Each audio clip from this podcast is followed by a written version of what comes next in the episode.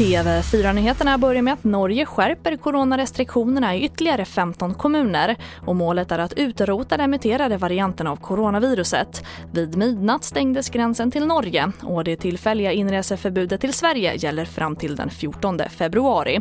Och inrikesminister Mikael Damberg tycker att det är en viktig åtgärd.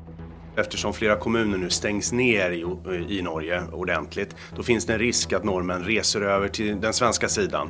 Eh, går i butiker, går på restauranger eller eh, handlar på Systembolaget och då kan det uppstå både trängsel och bidra till smittspridning, så det vill vi undvika.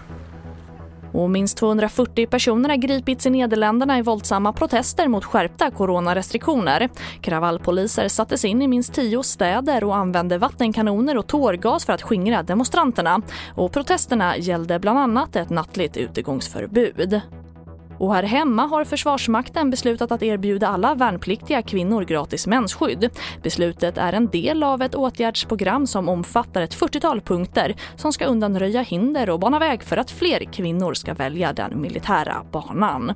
TV4-nyheterna, jag heter Charlotte Hemgren.